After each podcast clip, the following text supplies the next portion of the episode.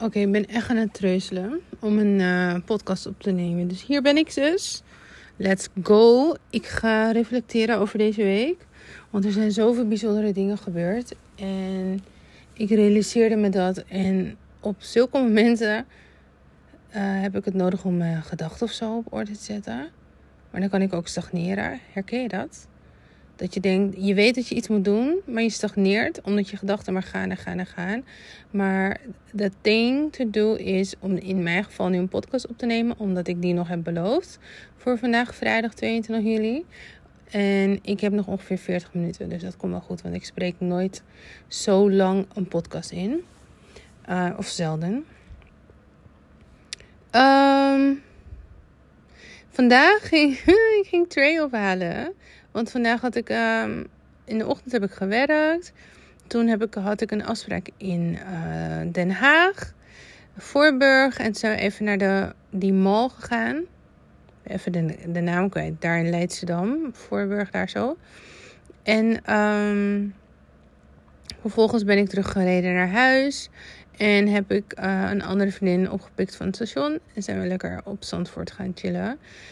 En heerlijk gesprek gehad ook daarover. Maar ik kwam dus thuis, want ik ging, of nou ja, thuis bij mijn moeder, want ik ging twee ophalen. Hij wilde echt vandaag naar huis. En toen raakte mijn moeder in gesprek. En ik vertelde over deze week. Deze, wat er gisteren vooral was gebeurd. En ik vertelde over het gesprek wat ik had met Nina Pervin.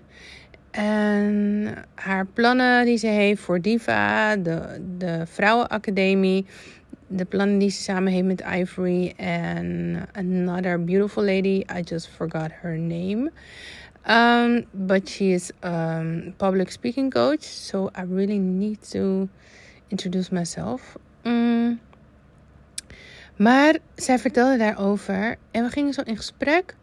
En we kwamen tot de conclusie dat de overheid vaak um, het probleem faciliteert met subsidies op, op subsidie, op subsidie, op subsidie voor programma's, voor programma's. En toen dacht ik, wauw. Dus ze was wat aan het uitleggen wat er dan gebeurt. Ik zeg, ja, dat is de armoedeval. Zegt ze, wat? Hoe noem je het? Ik zeg, dat is de armoedeval. Zegt ze, oh, vertel. Ik zeg, nou ja, ik uh, ben sociaal jurist. Ik heb sociale juridische dienstverlening gestudeerd. En dan leer je dat soort dingen. Ik heb 12 jaar in het sociale domein gewerkt als schuldhulpverlener en het zit namelijk zo. De armoedeval betekent dat wanneer mensen van een loon op bijstandsniveau of hè, vanuit um, de participatiewet in dit geval, dus de uitkering, maar het kan ook loon zijn, vanuit dat loon op bijstandsniveau, um, zeg maar, meer gaan verdienen. De armoedeval begint ongeveer tussen 110% boven bijstandsniveau en tot 130% boven het bijstandsniveau. Dus tussen de 110 en 130, die 20%. Zeg ik dat goed? Ja, het is al laat. Daar begint, dat is de armoedeval. Wat houdt de armoedeval nou in? Is dat je gaat meer verdienen, maar je voelt het niet. Want wat gebeurt er? Toeslagen worden minder of vallen weg. En waar je eerst nog recht had op kwijtschelding van gemeentelijke belastingen, valt dat in één keer weg. Dus er is geen afbouw. Um, nu moet ik zeggen dat sinds volgens mij twee jaar uit mijn hoofd, want ik zit niet meer in die hoek, dus ik moet meer gaan inlezen. Sinds twee jaar is die grens van de huurtoeslag nu, um, hoe noem je dat eigenlijk met een mooi woord? Hij stopt niet in één keer. Tot voor kort, als je bijvoorbeeld, ik noem maar wat hè, 30.000 euro verdiende, dan stopte de huurtoeslag. Dus als je 29.999 euro per jaar verdiende, had je nog recht op bijvoorbeeld 200 euro toeslag. Uh, huurtoeslag heb ik het over, want je verschillende toeslagen. Uh, maar verdien je dus 30.000 en 1 euro, dan had je dus in één keer helemaal geen recht meer op huurtoeslag. Dat is nu wel veranderd, maar voorheen was het dus zo. Dus dat soort dingen gebeuren. Um, en dat, dat noem je dus de armoedeval. Want daarom is het voor heel veel mensen heel erg onmotiverend, demotiverend. Onmotiverend is echt lelijk. Demotiverend om eruit te komen. Want hoe langer je daarin zit, hoe minder kans je hebt op de arbeidsmarkt op een hoger loon, zodat je geen last hebt daarvan. En zeker als je niet, als je lang uit de running bent, of als je geen diploma hebt in die richting, of geen werkervaring, of whatever. Weet je wat mijn moeder zei toen ik dit vertelde? Zegt ze: Je wilde zo graag niks te maken hebben met dat gedeelte, al die kennis die in je zit. En nu komt het weer terug bij je. Het, iets waar, wat God voor jou heeft, komt altijd bij je terug. Ik zeg: Wauw. Ik zeg: Ik merk nu dat alles bij elkaar komt. Dus alles wat ik toen heb geleerd tijdens mijn studie en in mijn twaalf jaar binnen het sociale domein, komt nu samen met wat ik de afgelopen vier jaar heb geleerd over ondernemen. En eigenlijk wilde ik niet het afstoten, maar ik wilde altijd al preventief werken. Dus voordat er problemen ontstaan, wil ik de mensen toerusten met kennis en inzicht over hun eigen situatie en hoe ze kunnen, hoe ze kunnen voorkomen dat ze bijvoorbeeld in de armoedeval terechtkomen. Dat, hoe ze kunnen voorkomen dat ze uh, um, hulp nodig hebben met schuldenverlening en dat soort dingen. En toen dacht ik, wauw ma, je slaat de spijker op zijn kop. En mijn mind gaat er gelijk roem van, oh, wat moet, weet je, van, oh, er gebeurt zoveel. Ik hoop dat je dit, dat dit iets bij jou triggert, iets goeds, dat je weet wat een proces is. Want vervolgens stapte ik onder de douche toen ik eenmaal thuis kwam. En opeens begon ik het te begrijpen opeens zag ik het. En dit gebeurt altijd in mijn reflectiemaand. En hoe ik deze podcast uh, heb genoemd is: je kan het verhaal niet vaak genoeg vertellen. En de reden waarom dat zo is, is omdat er altijd iemand is die het niet heeft gehoord. Of er is altijd iemand die het weer moet horen. Of er is iemand die het net even op een andere manier moet horen voordat het wel aanslaat. Dus um, ik realiseerde me, ik ben altijd aan het reflecteren. Volgende week zaterdag, 30 juli, word ik 37 jaar. En het cijfer 7 in de Bijbel is echt heel erg bijzonder. Want in zeven dagen schiep God de aarde. En hij zei: Het is volbracht. En het was goed. En het, toen dacht ik, oh, ik word 37. Ik ging zo nadenken. En je weet het, ik weet niet of je dat ook hebt, hè? Ik weet niet of je dat herkent. Wanneer gedachten gaan, om, het, om je gedachten te vertalen in woorden zoals nu hier, wat ik aan het doen ben in de podcast, is moeilijk. Want je gedachten gaan zo snel dat het moeilijk is ook om te vertalen, maar alsof het een soort van andere taal is omdat het zo snel gaat. Nou, ik hoop dat je me begrijpt. Maar goed. Um, en ik hoop dat het niet heel erg warrig is. Maar 37. En toen realiseerde ik me in 2015. En terwijl ik 2015 al zeg, denk ik al. Gaan we weer dit verhaal vertellen. Maar ik weet zeker dat het nodig is. En dat er kracht zit in herhaling. En dus haak niet af als je mijn verhaal al vaker hebt gehoord.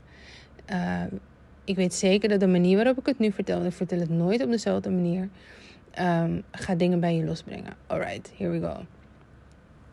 Ik realiseerde me dat zeven jaar geleden, in 2015, werd ik 30 dus.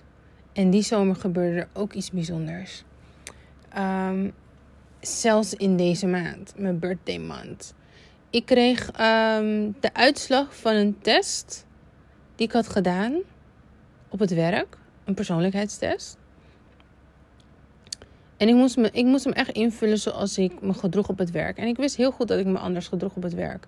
Want um, twee maanden daarvoor hadden ze me eigenlijk een vast contract beloofd. Maar vervolgens, uh, twee voor twaalf, letterlijk twee weken van tevoren, zeiden ze: Ja, kunnen we toch niet doen. Want uh, één iemand is het er niet mee eens. Ze willen eerst kijken hoe je je als interne gedraagt. Dus eerst één jaar intern en daarna kunnen we het evalueren en dan krijg je een vast contract. En ik dacht, hoe dom is dit? Dat dacht ik als eerste. Ja, want je bent niet altijd tactisch tijdens vergaderingen. En toen dacht ik, wat is dit voor onzin? Jullie hebben mij in die vergaderingen gezet. De kwaliteitscommissie Omdat jullie andere geluiden willen horen. En nu moet ik niet meer zelf mezelf meer zijn.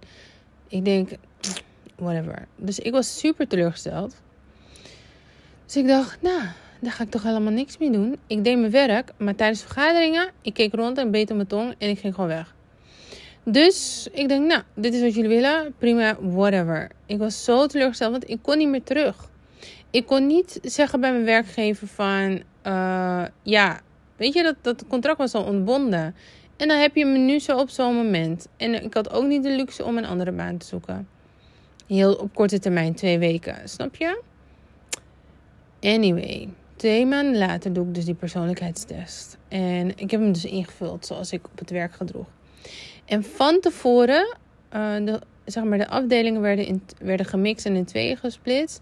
En er was dus een ochtend dat we op een andere locatie de um, uitslag zouden bespreken. En wat dat dan voor de, voor de uh, hoe noem je dat? afdeling breed betekende. Dus het gemiddelde van de afdeling werd ook um, besproken. Maar we begonnen eerst met uitleg van de trainers over de verschillende kleuren. En wat de eigenschappen waren. Uh, wat de. Uh, ja, sommige mensen noemen het schaduwkanten, valkuilen.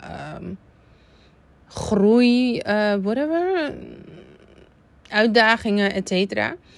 En um, ja, dus alle kleuren werden besproken. Het waren meer dan een disc. Het was, um, even nadenken, rood, oranje, geel. En dan groen, blauw, paars. Dat waren de kleuren, zes kleuren. En toen um, nou, bespraken ze het en dacht ik, hé, hey, ik ben echt rood.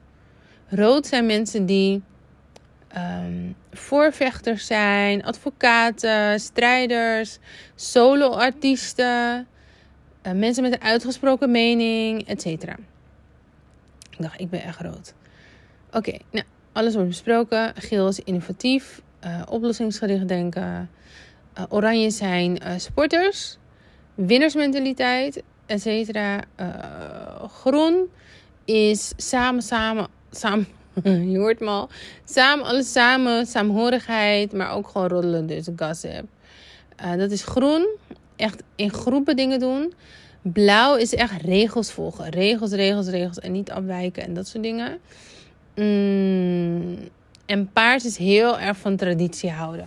Ja, we hebben het al zo lang zo gedaan. Dus nu gaan we dat niet opeens veranderen, dat soort dingen. Even een slokje water. Dus, um, oké. Ik dacht, oké, ik ben rood. Sowieso rood. Ik dacht rood, oranje, geel. Dat is wat ik dacht. En toen kwam de uitslag. En ik sla, de, ik weet nog, ik sla het blaadje open. Ik draai het in landscape, want het was een A4'tje. Dus ik zet hem in lands, landscape. En ik zie gewoon dat ik rood verstoot. Dus rood stond negatief. En ik kijk naar mijn blaadje. En het komt bij me binnen. Maar ik heb nog niet eens de tijd om het helemaal op te nemen. En mijn manager loopt langs. Omdat ze iedereen's uitslag wilde zien. En ze zegt: Hey. Ze zei: Oh, ik dacht dat je rood was. Ik zeg: Ja, ik weet dat je dat dacht. Ik denk: Herpak me gelijk. Te grappig. Het was, er, het was eruit voor before I knew it. En toen realiseerde ik me: Ja, dit is dus Wanneer je iets ziet op papier dat je je anders gedraagt, is wat anders. Kijk, je, ik wist heel goed dat ik me anders gedroeg, maar nu zag ik het op papier. Maar wat ik vooral zag, is dat ik mezelf ontkende. Dus het feit dat ik me, dat ik me anders gedroeg, wist ik wel. Maar ik wist dus, pas op papier zag ik wat het effect was. Dat ik een deel van mezelf, een deel van mijn karakter, uh, wegstopte wat bij me hoorde. En hoe lang ik erover na ging denken, ook thuis. En toen realiseerde ik me dat ik dat thuis ook deed in mijn huwelijk, toen nog. Dat ik voor de lieve vrede um, dan maar dacht: oké, weet je, ik heb geen zin in ruzie of ontploffingen van woede. Laat me het maar laten. Uh, laat me het maar niet. Laat me het gesprek maar weer niet aangaan. Of laat me maar niet door, weet je wel, doorgaan. Weet je, dat. Misschien herken je het wel. En toen dacht ik, ja, maar dit is niet wie ik ben. En toen ben ik echt op zoek gegaan naar wie ben ik nou eigenlijk. Want ik, ik ben me gewoon anders aan het voordoen. En dit is niet. Het klopt niet. Ik mag gewoon mezelf zijn. Maar wie ben ik dan? Want ik heb dit. Ik ben dit, dit is er zo ingeslopen. Weet je, je gaat niet van de een op de andere dag. Het, het sluipt erin. Je wordt dan. Zeker als je een uitgesproken mening hebt en mensen kunnen, zijn verbaal niet. Ehm, ja, hoe moet ik het zeggen? Niet vaardig om met je in gesprek te gaan of de discussie aan te gaan of hè, tot oplossingen te komen, dan wordt er al, wordt al heel gauw de mond gesnoerd. En het kan, dit kan zich voordoen in diverse situaties. Dit kan thuis gebeuren. Um, en dit kan ook op het werk gebeuren. Of waar dan ook. Waar anderen zich eigenlijk geïntimideerd voelen door jouw misschien wel vastberadenheid, door je uitgesproken mening, uh, door je karakter, door je licht, um, is het eigenlijk. Want weet je hoe dat is? Vroeger vond ik het erg. Vroeger wilde ik dit niet, maar ik kan niet een ruimte, ik kan niet onopgemerkt een ruimte binnenlopen. Als ik een ruimte binnenloop, merkt men het op. Het is, het is zo weird. Sommige mensen stoppen met praten. Ze kijken naar me en dat is niet waar andere mensen onopgemerkt een ruimte binnen kunnen lopen, heb ik dat niet. En dat ligt niet aan mijn boskrullen. Ook als mijn haar in een strak uh, balletklotje zit. En, maar dat hoort bij mij. en dat mag er wezen. Nou, ik ging dus op zoek naar mezelf. Wie ben ik? En ik stuitte op de boeken van Brene Brown. Eerst de TED Talks. En toen dacht ik, ja, ik moet me echt kwetsbaarder opstellen. Want daar zit mijn groei. En dus ik ben de boeken gaan lezen die achter elkaar de, de afgelopen jaren uitkwamen. En ik was dus aan het helen. Want ik was zo gebroken en ik deed mezelf anders voor. En doordat ik heel, heelde, bracht het wrijving in mijn toenmalige huwelijk en relatie met mijn ex. Want wat gebeurt er? We kwamen elkaar tegen in gebrokenheid en dat paste gewoon perfect. Maar toen ik begon te helen en hij niet, uh, bracht dat wrijving. Hij gaf dat ook aan. Ik zie je groeien, maar ik, ik sta stil. En stilstand is eigenlijk achteruitgang. Maar dat is ook een keuze. Want het vergt moed om aan de slag te gaan met jou. Om, om het donker in te stappen. En to face your fears, face your anxiety, face your demons sometimes. Weet je? En dat resulteerde uiteindelijk twee jaar later in de scheiding. Einde van de zomer, nou begin herfst uh, 2017, ja. Verliet uh, mijn partner, mijn ex-partner, verliet onze woning. En juli 2018 werd de scheiding dan uitgesproken. En juli 2018 heb ik me ook ingeschreven bij de Kamer van Koophandel. En de afgelopen tijd dacht ik, oh ja, ik sta vier jaar ingeschreven. Maar ik realiseer me nu dat ik al drie jaar een aanloop nam naar dat moment om me in 2018 in te schrijven. En nu vier jaar later zijn we zeven jaar verder. En wat ik je eigenlijk wil zeggen is dat elke gebeurtenis, een, elke, elke gebeurtenis die in je leven plaatsvindt, zet je voor een keuze. En die keuze is eigenlijk: blijf je hier of breek je uit je comfortzone? Ga je op zoek, ga je die reis aan eigenlijk? Ik noem het altijd een reis. Ga je op reis en ga je die reis aan? of blijf je hier? Het leven is een reis en zijn, mensen zijn vaak op zoek naar hun bestemming. Maar dat de bestemming lijkt alsof je dan aankomt en daar blijft. Maar dat is niet het geval. Want um, gewoon letterlijk, als je naar Parijs reist, is dat je bestemming voor nu. Maar vervolgens wil je toch weer terug naar huis. Dus je gaat weer op terugreis naar, weet je, naar je huis. En dat staat niet metafoor voor terugreizen naar een ander level, weet je wel, terug.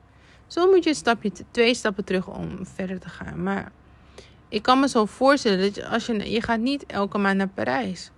Als je het voor het zeggen had, toch? Tenzij je daar voor zaken gaat. Maar je gaat ook de volgende keer ga je naar Curaçao. Is een andere bestemming. En een andere keer ga je naar, weet ik veel, Miami. En een andere keer weer naar Bali. En een andere keer weer naar Tokio. Weet je wat, dat zijn bestemmingen. Je gaat erheen, maar niet om daar te blijven. Je gaat daar doen wat je daar hebt te doen, wat je wil doen. En vervolgens ga je door. En ik hoop dat je het een beetje snapt met deze metafoor. Is je purpose is een bestemming. Maar alles wat je onderweg meemaakt. Alles wat je leert. Neem je mee. En ik zit nu na te denken. Hm, ik heb totaal 12 jaar gewerkt binnen het sociale domein. En het begon in 2009. In 2009 was ik 24. Ja. 24 en dat is uh, eh, 13 jaar geleden begon ik met het werken binnen het Ik lieg eigenlijk. Ik werd 24, ik was 23. Ik was 23. Dat is 14 jaar geleden. Wauw. Hmm. Oké. Ik zit echt. Ik ga even rekenen. In mijn hoofd denk ik. Is 14 jaar. Is 2 keer 7. Zit je dan telkens. Weet je dat ook je haar. Elke 7 jaar een andere structuur heeft? There's something there. Maar anyway, los om heel erg zweverig te worden. Ik vind het altijd. Nou, ik vind het, ik vind het leuk om wetenschap te mixen met Spirit, spiritualiteit. So, not religion, but relatie en geloof. Oké. But, to wrap things up. En om die podcast op tijd uh, online te gooien, wil ik je bemoedigen met mijn verhaal. Om het gesprek aan te gaan met de mensen die dichtst bij je staan. En op een gegeven moment gaan er dingen resoneren, dingen gaan op zijn plek vallen door wat men zegt. Door, wat mijn, moeder, door mijn moeder, wat mijn moeder zei. Moeder zei, Jirani, je probeert weg te rennen voor dat ene ding en het vind je precies hier waar je bent. En toen dacht ik, ja, want dat is eigenlijk wat ik wilde, maar ik wist niet hoe. En nu komt alles bij elkaar. Nu heb ik een totaalplaatje. Dus ik weet heel veel over persoonlijke financiën. En ik weet, ik heb de brede kennis over de wet en regelgeving. De sociale wet en regelgeving in Nederland. Ook huurrecht, arbeidsrecht. Ik weet mijn weg binnen die wet en regelgeving. Ik weet mijn weg binnen de regels, binnen overheden en dat soort dingen. En ik weet nu hoe het is, hoe je een goed fundament voor je business neerzet. De onderkant. En nu snap ik waarom ik door bepaalde processen heen moest gaan. Om, want je kan mensen maar zo ver brengen als dat jij bent gekomen. En je hoeft er soms niet eens zelf doorheen te gaan, maar die kennis die je hebt opgedaan. En nu snap ik het. En nu beginnen dingen op zijn plek te vallen. Dus ik hoop dat dit bij jou ook je eigen reis, dat je dingen gaat zien. En dat je ook realiseert waarom Oh, het erg moet schapen. Het is kwart voor twaalf. Waarom je bepaalde dingen moest meemaken. En dat het allemaal hoort bij de reis die je maakt, de purpose reis die je maakt.